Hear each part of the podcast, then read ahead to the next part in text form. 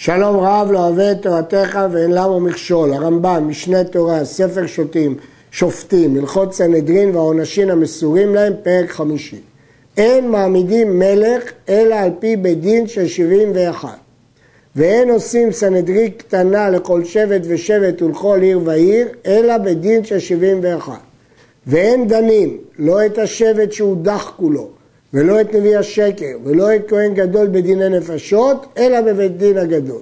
אבל דיני ממונות דנים בשלושה. לכן הרמב"ם אומר כאן את תפקידי בית דין הגדול, הם אלה שיכולים למנות מלך, הם ממנים את הסנהדרין הקטנות של 23, הם דנים את השבט שהודח, הם דנים את נביא השקר ואת כהן גדול בדיני נפשות. וכן אין נעשה זקן ממרא, ולא עונשים עיר הנידחת, ולא משקים את הסוטה, אלא בבית דין הגדול. גם התפקידים האלה הם רק בסנהדרין גדולה. ואין מוסיפים על העיר והעזרות. יש תהליך שבו אפשר להרחיב את ירושלים ואת העזרה, ולא מוציאים למלחמת הרשות ולמדידת החלל בעגלה ערופה, אלא על פי בית דין הגדול, שנאמר, כל הדבר הגדול יביאו אליך. הרמב"ם לא כתב פה שצריך נביא בהעמדת מלך, מכיוון שכאן הוא עוסק בתפקידי סנהדרין ולא בדין מינוי המלך. הרמב"ם גם לא הביא את כל תפקידי הסנהדרין, כמו שריפת פרה וכדומה, אלא רק תפקידים שקשורים למערכת המשפט. כך כותב בספר יד פשוטה. אה, הרמ"ח הקשה שהרי לא לומדים את זה מהפסוק כל הדבר הגדול יביאו אליך, אלא רק את הדין של כהן גדול. שאר הדינים לומדים מפסוקים אחרים. כתב המרכב את המשנה, וכבר אמרנו את זה פעמים רבות, שדרכו של הרמב"ם להביא דרשה הקרובה לפשט הפסוק, אף על פי שהיא לא מסקנת הגמרא. אין דנים דיני נפשות בפחות מ-23, שהם סנהדרי קטנה.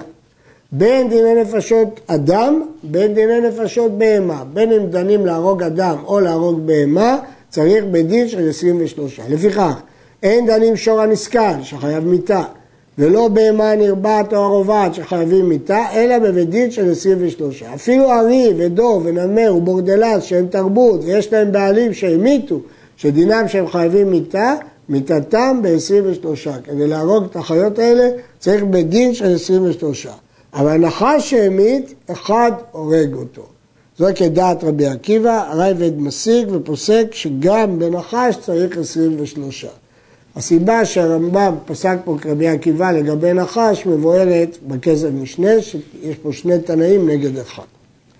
המוציא שם רע, אין דנים אותו תחילה, אלא בבית דין של 23, מפני שיש בדינו צד לדיני נפשות, שמא יהיה הדבר אמת, ותסכל הבת. לא נאמנו דברי הבעל, אם התחילו ב-23, והתברר שדברי הבעל לא נאמנו, ולכן הבת לא תסכל.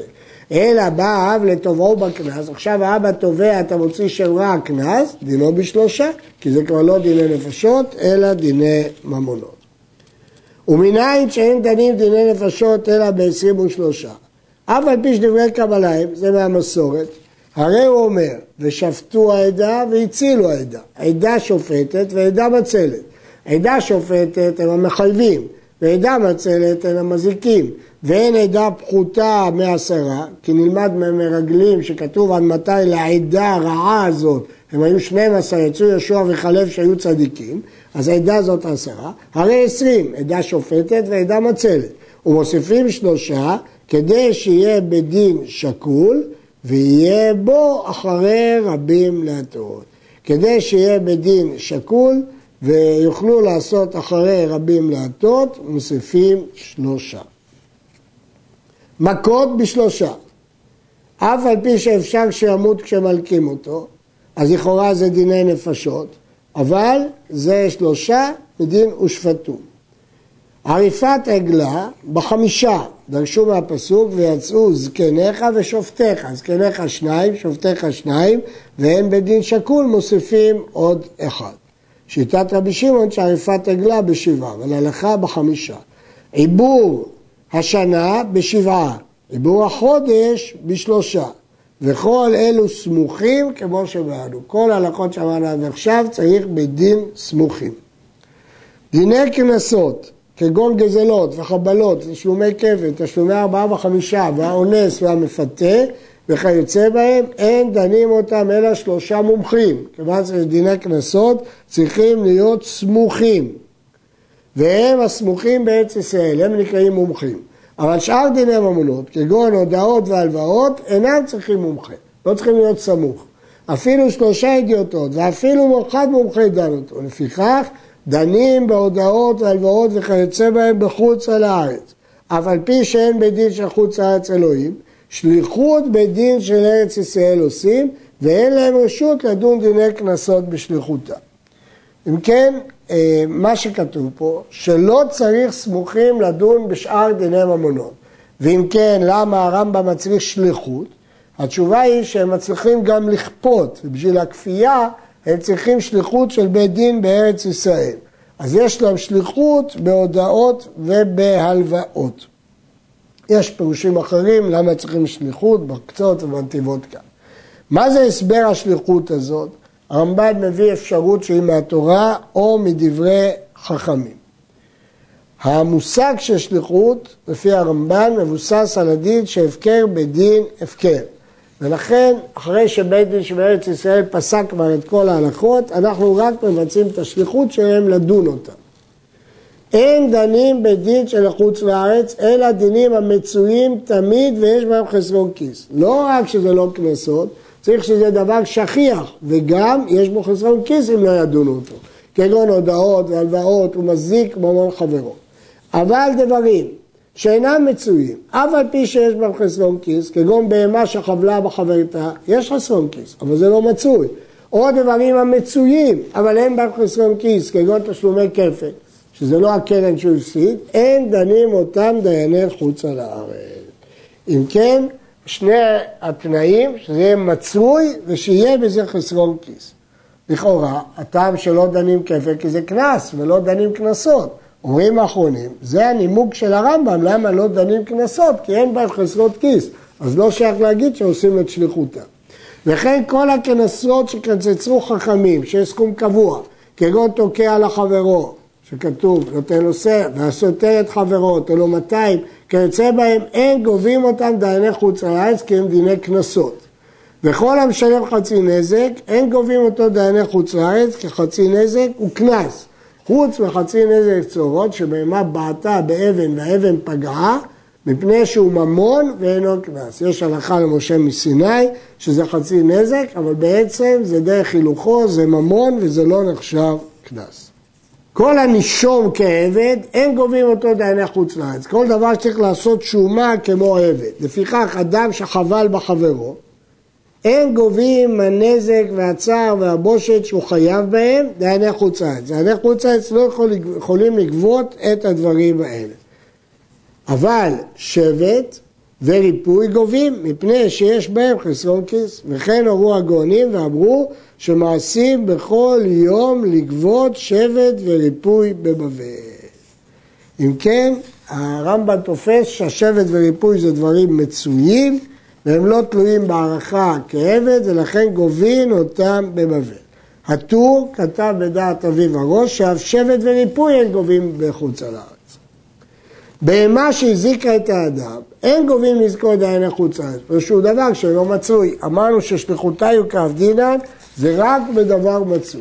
אבל אדם שהזיק בהמת חברו, משלם נזק שלם בכל מקום, כמי שקרא כסותו, שבר כליו, קצתיותיו, כל הנזיקים נוהגים בחוץ לארץ, דנים אותה בחוץ לארץ. אבל בהמה שהזיקה את האדם זה דבר לא מצוי.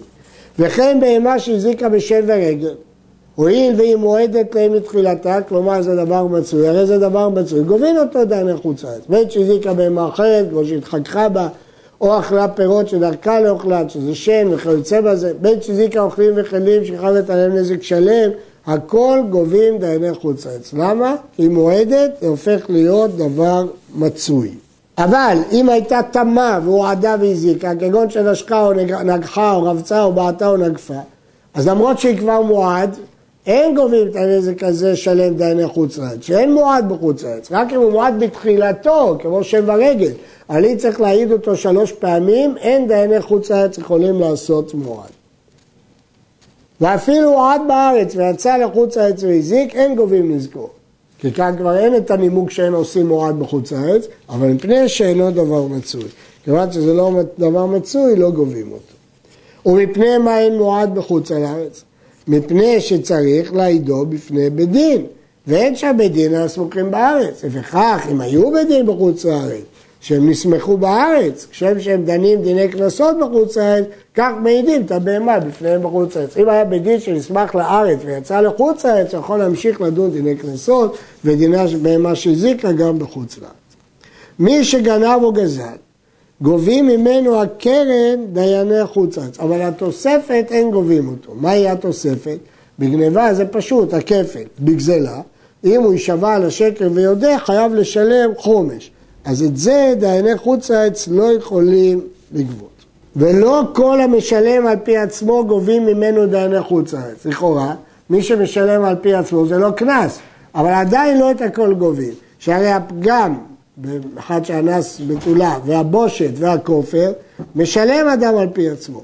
כמו שכגון שאמר, פיתיתי ביתו של פלוני והעמיד שורי את פלוני, אין גובים אותו דייני חוץ לארץ. למרות שמשלמים על פי עצמם, זה לא קנס, אבל לא גובים אותו דייני חוץ לארץ מפני שהם לא מצויים, ואו שאין בהם חסרון כיס, מהסיבות הללו.